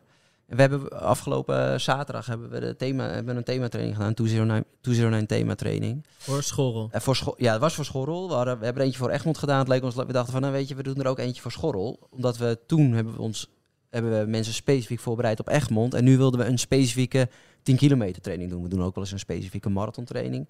Nou, ehm, ga je maar specifiek voorbereiden. Laatste kiesessie voor Schorrel volgende week. Er zijn ook een aantal mensen die hem niet lopen. Maar even goed altijd een interessante training om hem eh, te doen.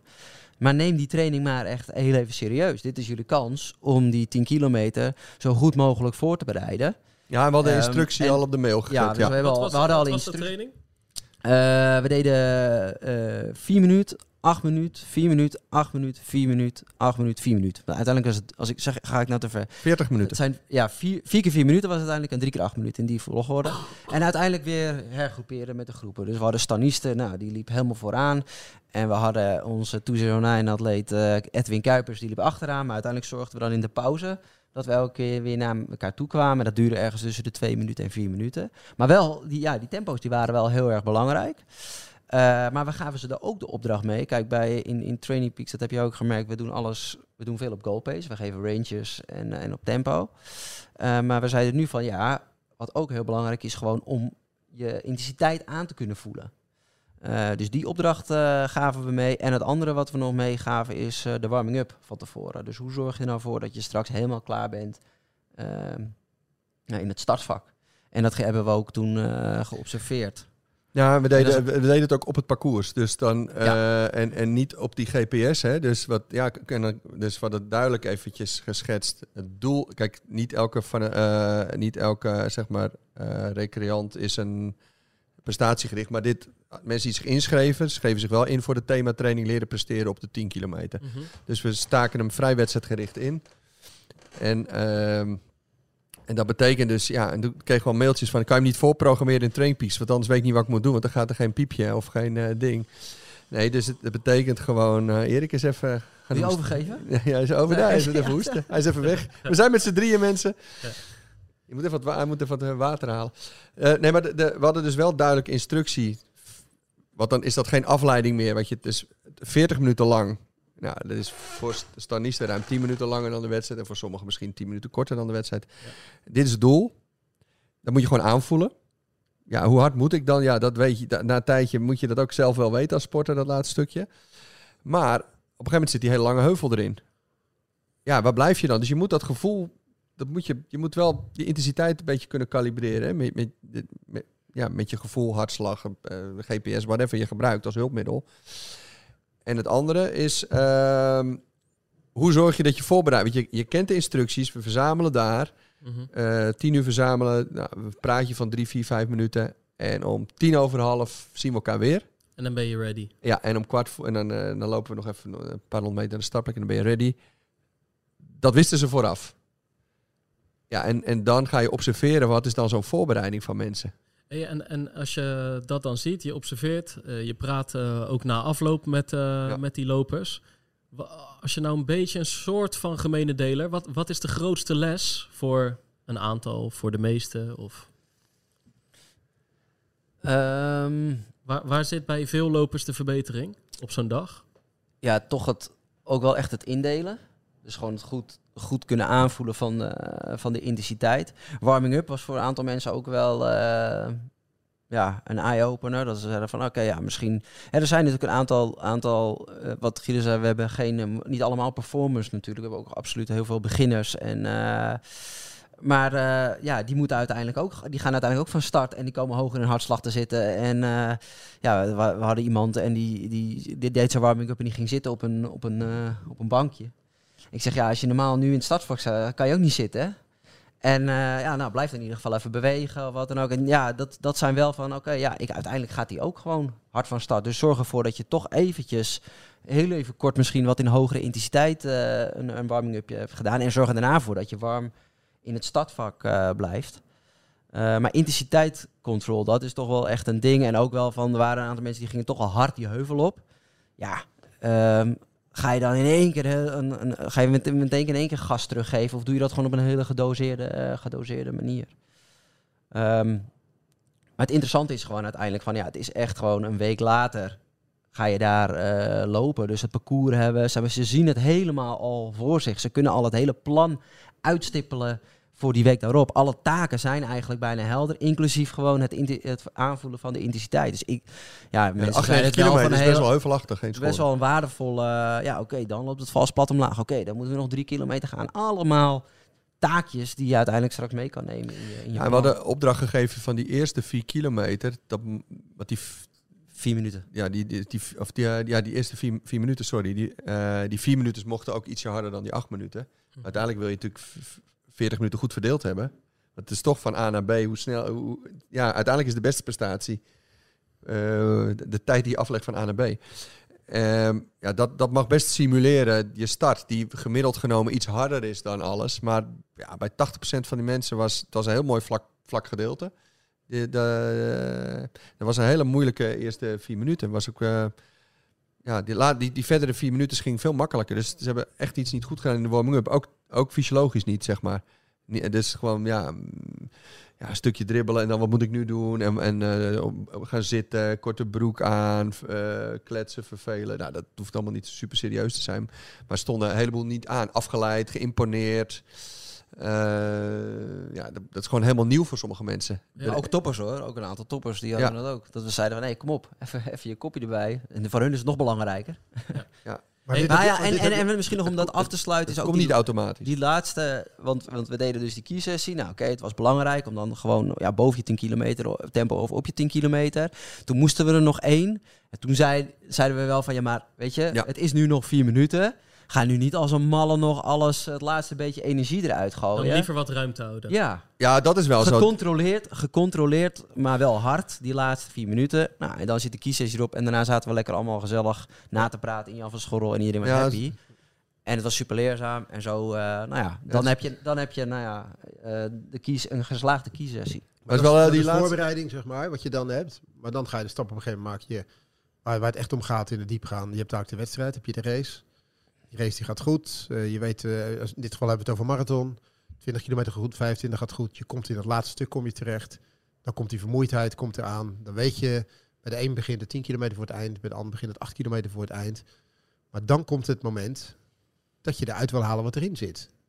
En dan gaat het echt over diep gaan. Hoe ga, op welke manier moet je, er dan moet je er dan mee omgaan? Want je komt, hoe dan ook, voor heel veel zeg maar, gemiddelde lopers. Hè, wij zijn ervaren lopers, hebben het al eens een keer meegemaakt. Maar heel veel mensen komen in een gebied terecht wat ze nog niet kennen, wat ze vaak nog niet helemaal hebben kunnen trainen, komen in een gebied terecht wat onbekend is. En hoe ga je er dan mee, mee om? Volgens mij, eh, eh, hoe, hoe daarmee om te gaan, dat is verdomde moeilijk. Alleen dat is eigenlijk gewoon het afgelopen uur terugluisteren. En heel veel puzzelstukjes daarvan op dat moment proberen te gebruiken. Dus dat is één, van tevoren al beseffen dat dat moment er een keer gaat komen. Eh, twee, dan nog niet totaal al uh, zonder energie te zitten. En dan bedoel ik ook mentale energie. Zeg maar, als jij alles in die eerste 30 hebt gestopt. Van, van, uh, en in de week daarvoor van zenuwen tot, tot uh, gestrest je startnummer ophalen. Tot het startvak niet kunnen vinden. Tot naar letterlijk iedereen zwaaien die je tegenkomt de eerste 30 kilometer. Ja, dan, dan wordt het lastig die laatste 12. Dus dat. En ook gewoon, ja, hoe ga je om met pijn? En dat is toch voor een deel ook je aandacht op andere dingen uh, verleggen. Dus één, sowieso beseffen, hier heb ik voor getraind. En twee, ook wel van, oké, uh, nog een kilometer en dan ga ik het bos uit. Nog een kilometer en dan zie ik Jan. Ja, maar ik heb er wel wat toe te voegen. Ik heb wel wat toe te voegen. Mooi wat jij nu omschrijft, vind ik dat is een fase van herkenning en er dan mee omgaan. Ja. Maar er komt een moment dat je zoiets van, nou, vanaf welk moment... New territory. Kun je all-out gaan, zeg maar... Uh, want dat is, dat is herkenning. Oké, okay, hoe ga ik ermee om? Ja, dat is wat, jij, je... wat jij zei, dat miste je een keertje in je eerste marathon. Dat je niet voorbereid was op, uh, op dat laatste Overviel me echt. Overviel, ja. Ja, ja. En dan wist je daarna, weet je dat wel. Omdat het ook echt... Onbekend terrein was. Onbekend terrein. En, en dat en, onbekende terrein heb ik daarna ook nooit meer op die manier gevoeld. Nee, nee dus dat is ook... Maar dit is ook wel het laatste, het laatste aandacht, zeg maar, uh, punt 4 van aandacht. Van hoe, hoe goed ben je in het, in het vastzetten van je taken. Nee, maar ik wil even terug op, op wat Erik uh, op zich heel goed samenvat. Wat, wat je wel terecht, denk ik, uh, naar stuurde, is... Um, Kijk, uiteindelijk is het toch ook zeker een fysiek gedeelte waar je voorbereid moet zijn op de taak. Je kan niet, je kunt niet alles op het mentale en uh, aandacht vrijmaken en de formule van Huibers. Dus je moet wel degelijk um, zo goed mogelijk voorbereid zijn op wat je gaat doen. Als je iets compleets nieuws gaat doen, nieuw, iets nieuws gaat doen, dan, dan dat geeft ook wel angst en stress. Dus je kan natuurlijk niet, uh, als je er vijf uur over doet, uh, dat, dat echt simuleren. Dus er zit wel ergens, maar als je vrij ongetraind bent en ook in je, als je als wedstrijdloper, ja, niet de pijn en de, en de ervaring en de aanpassingen en de gedachten en de fysieke ongemak en het kunnen fine-tunen in dat gebied. Als het één groot vraagteken is, uh, al vanaf het Kralingse bos of zo, dan, het is dan is dat veel te groot. Dus dan kan je wel degelijk in een fysieke voorbereiding heel voorzichtig. Uh, ja, wel op voorbereiden, op sturen, op die intensiteit, op dat gebied. En dit is wel degelijk natuurlijk een gebied wat je niet kent. Maar dat wil je natuurlijk niet te groot laten zijn. En um, dus ja, dat maar, wilde, maar, maar, dat, dat we gaan twee dingen, Dat- denk ik. Onbekend terrein en gewoon het moment dat het fysiek gewoon zwaarder wordt. Ja, en jij bedoelt eigenlijk het moment dat Ja, fysiek dat ja, het, het, gewoon onbekende, zwaar het onbekende terrein, wat je, dat ga je herkennen. Dan ga je in een x-periode ga je daarmee om. Dan denk je van, nou, dit, dit, dit trek ik nog wel een tijdje. Maar dan komt er een moment dat het gewoon puur op fysiek nog aangaat. eh, Echt op fysiek gaat aankomen. Van, ja, ik, en, en dat is natuurlijk makkelijk op het moment dat het nog maar drie kilometer duurt. Want dan heb je al die gedachtegangen in je hoofd. Zo van, makkelijk is dat niet. hoor. Jawel, nou vind ik wel. Weet je, want dan heb je nog precies wel drie kilometer te overzien. Maar op het moment dat dat fysieke gedeelte eh, aanbreekt op 35 en het is nog 7, dan krijg je nog een ander mentale aspect Klopt. krijg je erbij. Het mentale aspect begint te veranderen op het moment dat je dichter bij die finish komt. Want dan kun je het overzien en dan zie je dat mensen soms dingen kunnen uitschakelen. Van als ik vanaf hier ben, nou, dan, eh, en dan in één keer zijn er dingen uitgeschakeld. Ook, maar dan kan er nog steeds een, eh, een, een krampje ontstaan of een onzekerheid of wel niet, kan, of spanning. kan, eh. maar ik weet, kan mezelf Maar het is nog steeds intensity control dan op dat moment. Dus Ja. als er een moment komt dat het pijn gaat doen, ja, misschien moet je een heel klein stapje terug doen om daarna vervolgens weer een stap verder eh, te kunnen. Dus En ik denk... dan gaat, een- ik denk dat daar, daar zeg maar, het onbekende terrein is, zoals wat Guido zegt, ja, daar moet je gewoon uiteindelijk gewoon zoveel mogelijk op voorbereid zijn. Er moet zo min Maar, mogelijk. op Maar, het moment dat het dan om tijd gaat, dat je, jij, jij hebt dat vaak bijvoorbeeld met de limieten gehad. Een ander heeft dat met ik wil voor eerst onder de vier uur komen. Ik wil onder de vier uur komen. Je hebt die pijn, je kijkt op je klok, je denkt ja, maar ik kan, met, weet je, ik moet een stapje terug, maar ik kan me ook niet veroorloven.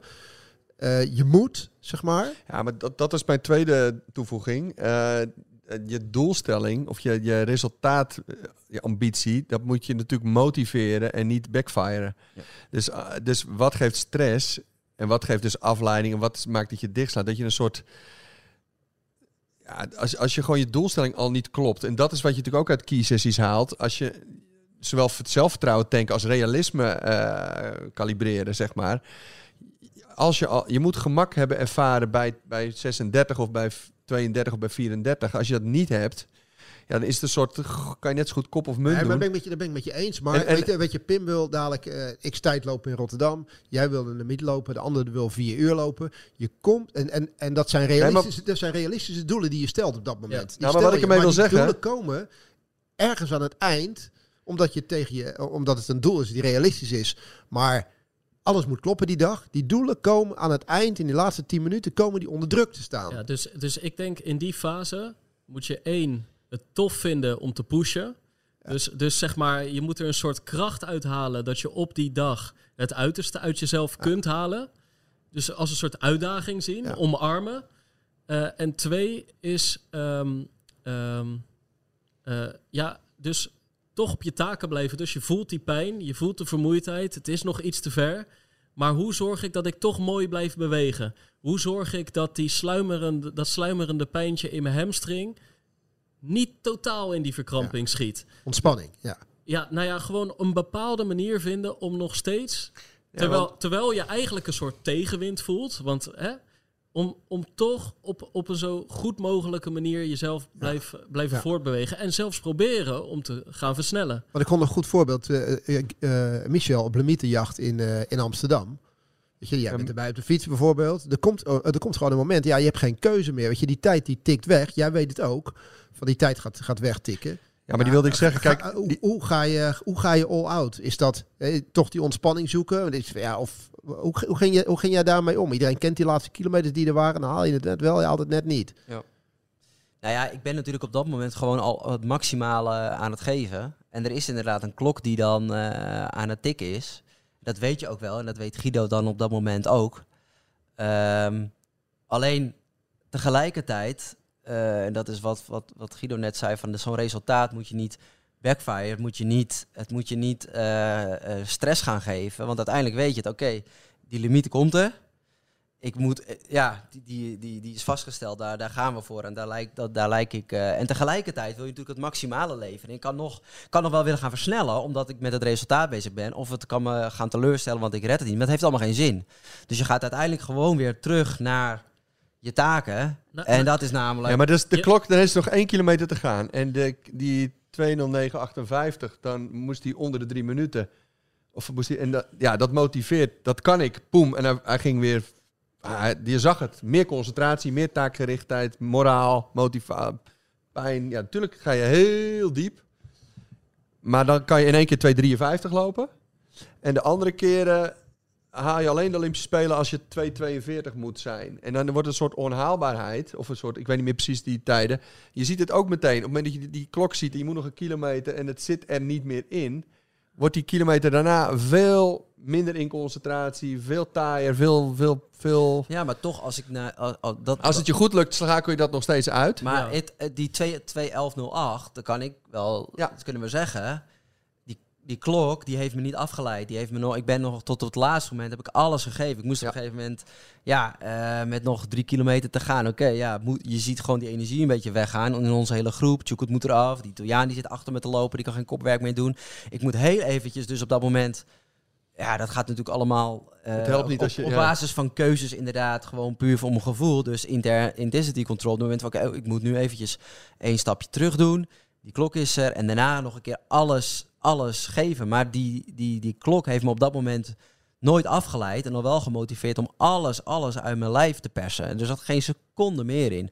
Maar ja, eh, ik weet het niet. Hè, bij, bij Galit bijvoorbeeld. Het zou bij Galit bijvoorbeeld, ik weet het niet, maar gebeurd kunnen zijn dat het hem wel brak, weet je. Van ik ga die tijd niet halen en, en ik, eh en jij ik er val terug. Of bij die Italiaan. Of, maar het heeft, me niet het heeft me niet de kop gekost. En er zijn ook talloze voorbeelden dat het wel mijn kop heeft gekost. Dat, dat ik toch die klok eh, zag en, eh, en dat ik dacht van ja, het heeft geen zin meer. Maar in dit voorbeeld, Amsterdam, echt als we het hebben over concentratie en alles geven tot het laatste moment en niet met het bezig, resultaat bezig zijn op dat moment, gewoon alles, alles, alles geven, dan was dat wel echt gelukt. Maar daar, dan, dan zou ik voor een afleider zorgen op de motor. Door te zeggen, je verliest nu eh, zoveel op, je verliest nu zoveel op. En dat is eigenlijk ook een belangrijk, wat ik nog zeker even genoemd wil hebben.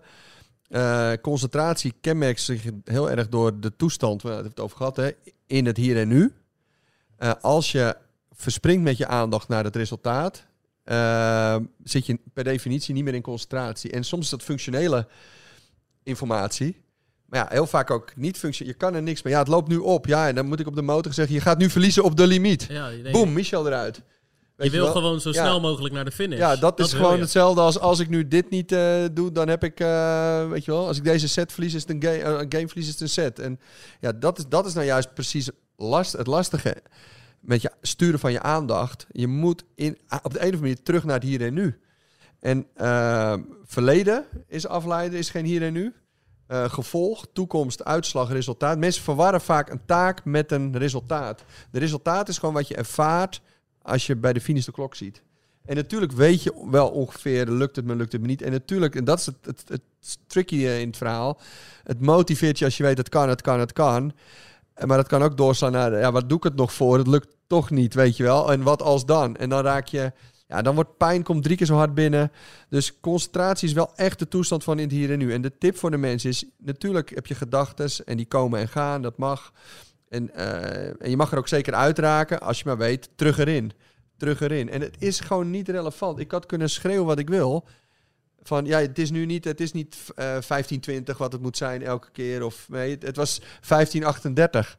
Ja, dat voelt hij echt wel. Eh, dus het, hij is zijn energie aan het verdelen. Dus het is zijn hoogheid van, oké, even wachten en straks weer gaan. Of weet ik veel wat. Of na de brug gaan we weer. Maar, of dan is het als, het, als het nog kan, moet je nu proberen alles te geven. Want bij de laatste kilometer kan het niet meer. Heb ik één keer gezegd. Maar ja, ja, het helpt niet door, je ligt achter op schema. Of eh, ja. En, en dat is ook, onderzoeken wijzen dat ook uit. Hè? Dat, dat ehm, ja, motiveren misschien en zo, dat is nog het enige wat je nog kan doen. En, en, en hulpmiddelen en, en reddingsboeien en, en hier en nu opdrachten. Maar, ja, Maar het klinkt altijd een beetje zweverig, maar dat is wel eh, van... Want ja, je hebt die, die limiet, die 2.11.08 niet gelopen, maar... Vaker gezegd, maar het was gewoon echt zo'n bizarre goede wedstrijd. marathon, ja. Omdat je gewoon weet van Ja. alles, alles dus, hè, het hele verhaal waar we het over hebben, over diepgaan, over concentratie, over taken, over erin en eruit. Zeg maar, dat was nou een marathon lang concentratie. Dat kan bijna niet, zeg je dan, maar nee. ehm, het was toen die dag wel echt perfect. Marathons waarbij ik wel snellere tijden hebben gelopen, dat mensen juichen, dan denk ik van, nou ja, of, of halve marathons, dan denk ik van, nou, was niet zo'n beste wedstrijd. Het zie je niet, want ja, ik kijk naar het resultaat. Iedereen kijkt naar het resultaat. Alleen, ja, ik of wij weten wel van, ja, maar ja, was, dat niet, was niet helemaal lekker erin of zo. Of Hoe ga je nou met, met mensen om? Jullie je trainen die mensen ook weer bij Tour 09. En er zijn mensen die willen onder de 4 uur lopen of onder de 3,5 uur lopen. Dat is dan al een paar keer niet gelukt. Want het laatste stuk klap ik iedere keer in elkaar. Hoe moet ik daar nou mee, hoe moet ik daar nou mee omgaan? Mensen doen mijn best. eh, bij dit, eh, allerlei mensen komen voorbij. En ja, dan is het klaar. Weet je wel, dan, eh, ja, dan kan ik het niet meer. Maar je weet ook dat sommige mensen er wel doorheen kunnen komen. Wat, wat, wat, wat zeggen die mensen die hebben, die hebben van alles al geprobeerd, komen nu bij jullie trainen. Ja, ik ga het nou op een, over een andere boeg heen gooien. Hoe ga je die mensen nou dat laatste, het laatste stuk er doorheen praten? Ja, wij, wij, ten eerste... Los ik- van de voorbereiding die er geweest Ja, is. Ik heb al eigenlijk- een paar keer geprobeerd en iedere keer weer. ja, maar wat ik, wat ik Ik gewoon kan merk... maar niet diep gaan op de een of andere manier. Nou, dat, kan. Dat kan een oorzaak zijn. Maar ik eigenlijk ben ik gewoon lekker eigenwijs en doe ik mijn eigen ding. In die zin, mensen die geven aan, ik zou graag onder de vier uur willen. Dat is prima, dat nemen we mee, daar werken we op. Maar we gaan niet het omdraaien en trainen op vier uur. Je traint gewoon op het niveau waar je denkt. En dan ga je aan de slag met die key sessies en op goal. En dan, maar dan geef ik gewoon advies. Ik denk dat dit nu, dat dit de goalpace is nu.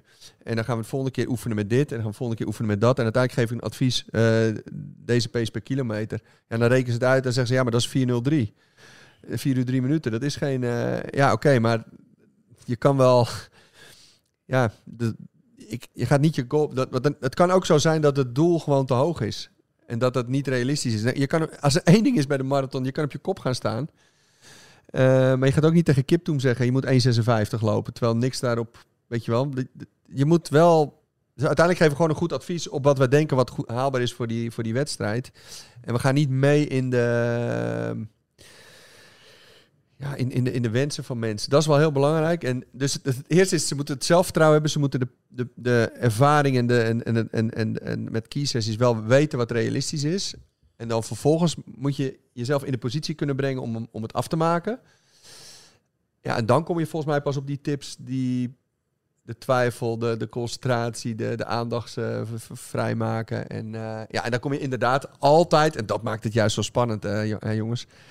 Daarom is het ook sport en kan je het niet, niet voorspellen, gelukkig. Want anders dan, dan hoef je niet eens te lopen. Je komt altijd in dat onzekere gebied van kan ik het of kan ik het niet. En hoe meer je op de grens zit, hoe interessanter het is. Maar, maar om daar, en, en, en hoe bereid je je daarop voor? Of waarom lukt het dan nooit? Wat je toch wel vaak ziet. Bij de meeste mensen is dat ze heel veel in resultaat denken. En ook op de dag zelf. Dus continu bezig met die tijd, met dat klokje, met de toekomst en met het verleden. En heel weinig met het hier en nu. Ja, en hoe kom je daardoor? Ten eerste geven we dat wel mee via de comments. En in sommige gevallen moet je ook wel echt wel coachgesprekken daarover hebben. En dat is super interessant eigenlijk.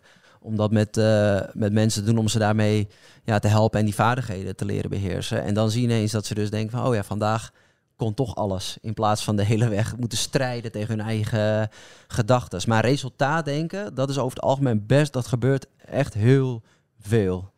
Resultaat motiveert, is belangrijk, maar je moet jezelf er wel van los kunnen koppelen om tot zo'n prestatie te Maar, maar kunnen je gunt iedereen eigenlijk altijd, misschien is dat een mooie afsluiter. Ik ga de afsluiter nu bijna claimen, nee hoor. Eh, van, van, mijn leermeester Jan Huibers geleerd. Je gunt mensen eh, de, de tools om te weten in hun leven om in concentratie te komen. Want het is in concentratie zo fijn. En zo gemakkelijk. En zo, dan ben je gewoon, dan ben je op je best. Boven jezelf uitstijgen bestaat ook niet. Dat is gewoon je, je eigen potentie weten te releasen. Of unleashen. Maar het gekke is, zo voelt het wel. Als op die, op die zeldzame dagen dat het allemaal op zijn plek valt, voelt het alsof je boven jezelf uitstijgt. Omdat Ja. het zo vaak niet. eh, ja, het is wel lukt. de Pim die het geweest is. Ja, zeker. Je bent het gewoon zelf. Ja, nee, en heel vaak, waarom haal je het vaak niet dat niveau? En waarom, hè, dat voorbeeld wat je zegt, die mislukte halve marathon. Het was niet de beste Pim. Nee, nee, maar ik moet ook wel zeggen, ik weet niet hoe het met jullie zit, maar volgens mij, ik ben de, van deze vier de meest actieve loper, eh, kan ik nog zeggen. Maar ik krijg er ook wel heel veel zin van, want het laatste, de laatste kwartier gaat het ook over dat onbekende trein, dat onzekere gevoel. Kijk, daarom doen we het ook wel een beetje. Ja, En tuurlijk eh, valt of staat het met een realistisch doel. Maar voor mij valt of staat het ook wel met een doel eh, wat je nog niet bereikt hebt. Ja. Waardoor het een beetje spannend is. Waardoor je weer je grenzen op gaat zoeken. En daar hoort een, een helder plan bij. Maar daar hoort ook wel bij dat je hopelijk straks iets presteert waar je nog niet geweest bent. en als je dat niet, niet lukt, is het ook interessant geweest. Ja. Wat, ik, wat, eh, ja, wat leuk is, wat de luisteraars ook mogen weten, is dat we natuurlijk eh, een soort van weer de hernieuwde samenwerking hebben sinds eh, kort. René, eh, nog steeds als jouw, eh, als jouw eh, Sparringspartner in sparringspartner Rotterdam. nu in, in Rotterdam. Echt superleuk geweest de afgelopen, nou wat is het, anderhalf jaar denk ik. Hè? Dat Ja, hij komt natuurlijk ook altijd mee. schema's maakt en hier naartoe kwam en leuke gesprekken. Nee, we En, hebben vorige maand precies, nou niet aan deze tafel, maar in het Ruiterhuis eh, eh, gezeten met René en eh, jou. Volgens mij was jij ergens in het buitenland bij de schaatsers. Ja. En eh, toen hebben we het doel voor 14 april besproken. Met als eindtijd sub 221. Zou, zou gaan om het clubrecord bij PAK. Maar er zijn ook nog meer kapers op de kust. Wat het alleen maar extra interessant eh, maakt. Maar is 42 keer wordt er een kilometer van 320 gevraagd. Nou, dan ga je terugrekenen. Zo, zo werk jij altijd. En eh, wat hebben we nodig? Eh, welke weken in die voorbereiding eh, eh, prevaleert werk? Bijvoorbeeld, ik ga eh, komende week, hè, als deze podcast online staat, zit ik in eh, Calgary, Canada. Nou, Hoe ga je ermee om? hoe ga je met die jetlag om? En ik eh, sluit in maart eh, van 12 tot 28, eh, van de 12e tot de 28 staan in Montegordo. Dus dan kunnen we onder het zonnetje Portugese zon trainen. Trainingskamp Dus. Er zijn nog enkele plekken, hè? Ja. Dus, Dus, er nog mee- ehm, men- mensen mee met Pim Bijl trainen? Hè? Kunnen er nog mensen met Pim Bijl mee trainen? Podcast maken daar? Ja, gaan we ook nog doen. Dus, maar Ja. eh, in elk geval, eh, zulke dagen geven natuurlijk gewoon ook weer eh, motivatie. Maar ik, ik, ik leid er een beetje in. Ik, Ja. leid, ik leid er een beetje in omdat ik dan benieuwd ben eh, van als we dan dit onderwerp bespreken, waarvan denk jij waar je, wat je nog kan leren, waar je in kan groeien? Of waar ben je in gegroeid? Of waar ben je? Ja, ehm, Nou, mag ik- ook. ja, ik ben er per, proces, per, ja. per voorbereiding in gegroeid, denk ik. Alleen die bewustwording van de omstandigheden die je zelf kunt creëren, van hele duidelijke afspraken met jezelf, van tevoren bedenken, weten wat je moet doen in een warming-up. nadenken over welke scenario's eh, je tegen kunt komen. Laatste tempo nog even alles eh, geven. Omga Dus ooit omgaan met ja, gewoon die bewustwording en daar steeds slimmer in worden en daardoor steeds de betere Vaker toepassen. keuzes ja, vaker toepassen en daardoor steeds vaker de betere keuzes kunnen maken tijdens. Ja, daar, dat is niet iets wat voor mij compleet nieuw is, maar wel een soort ongoing process waar je in kunt verbeteren. En ja, waarom je altijd een coach nodig zou hebben. Want je hebt iemand nodig die reflecteert en uit kan zoomen. Ja, soms Maar je hebt gelijk het hoor. Het is gewoon, ja, je hebt een wedstrijd. En ja, hoe ga ik me daar gewoon zo goed mogelijk voorbereiden met alle dingen die we net hebben besproken? En, en wat kan je dan daar vervolgens weer van leren om naar de volgende eh, wedstrijd toe te gaan? Ja. Niet zomaar de trein instappen en denken van ik ga vandaag even een wedstrijd lopen. Ja, en de winst dat Pim natuurlijk ook in, het, in het, het hele jaar door iets constanter leren worden. Waardoor je die springplank kan maken van niveau eh, naar topvorm, zeg maar, basisniveau. Volgens mij eh, was dit een interessant thema, mannen. Toch? Diepgaand. Diep hè? gaan. Diep gaan. Ja, En we kunnen zeker nog een deel 2 doen. We hebben lang niet alles eh, besproken. Maar ik denk dat we wel een mooie kapstok hebben. En, eh, we gaan toch weer zoals eh, we van de Pacer gewend zijn richting de anderhalf uur. Dus eh strik erom, toch? Lijkt me wel. ja, Eh, mannen, bedankt. Eh, we zien elkaar, eh, spreken elkaar binnenkort. Erik, jij moet maar weer eens gaan lopen. Ja, even een klein dipje gehad, maar eh, we gaan het gewoon weer oppakken. Of een Komt verkoudheidje, een. Koudheidje, griepje. griepje. Je liep af en toe weg om te hoesten. Precies. Maar eh, vanaf nu goed. hopelijk stijgende lijn, toch? In Thailand goed. We zijn lopen. niet geblesseerd, hè? dus dat scheelt. In Thailand een rondje. Eh, meer dan dat. Ja, Jazeker, dagelijks. Oké. Rest mij niets te zeggen. Blijf lopen, blijf luisteren. En tot de volgende Pacer.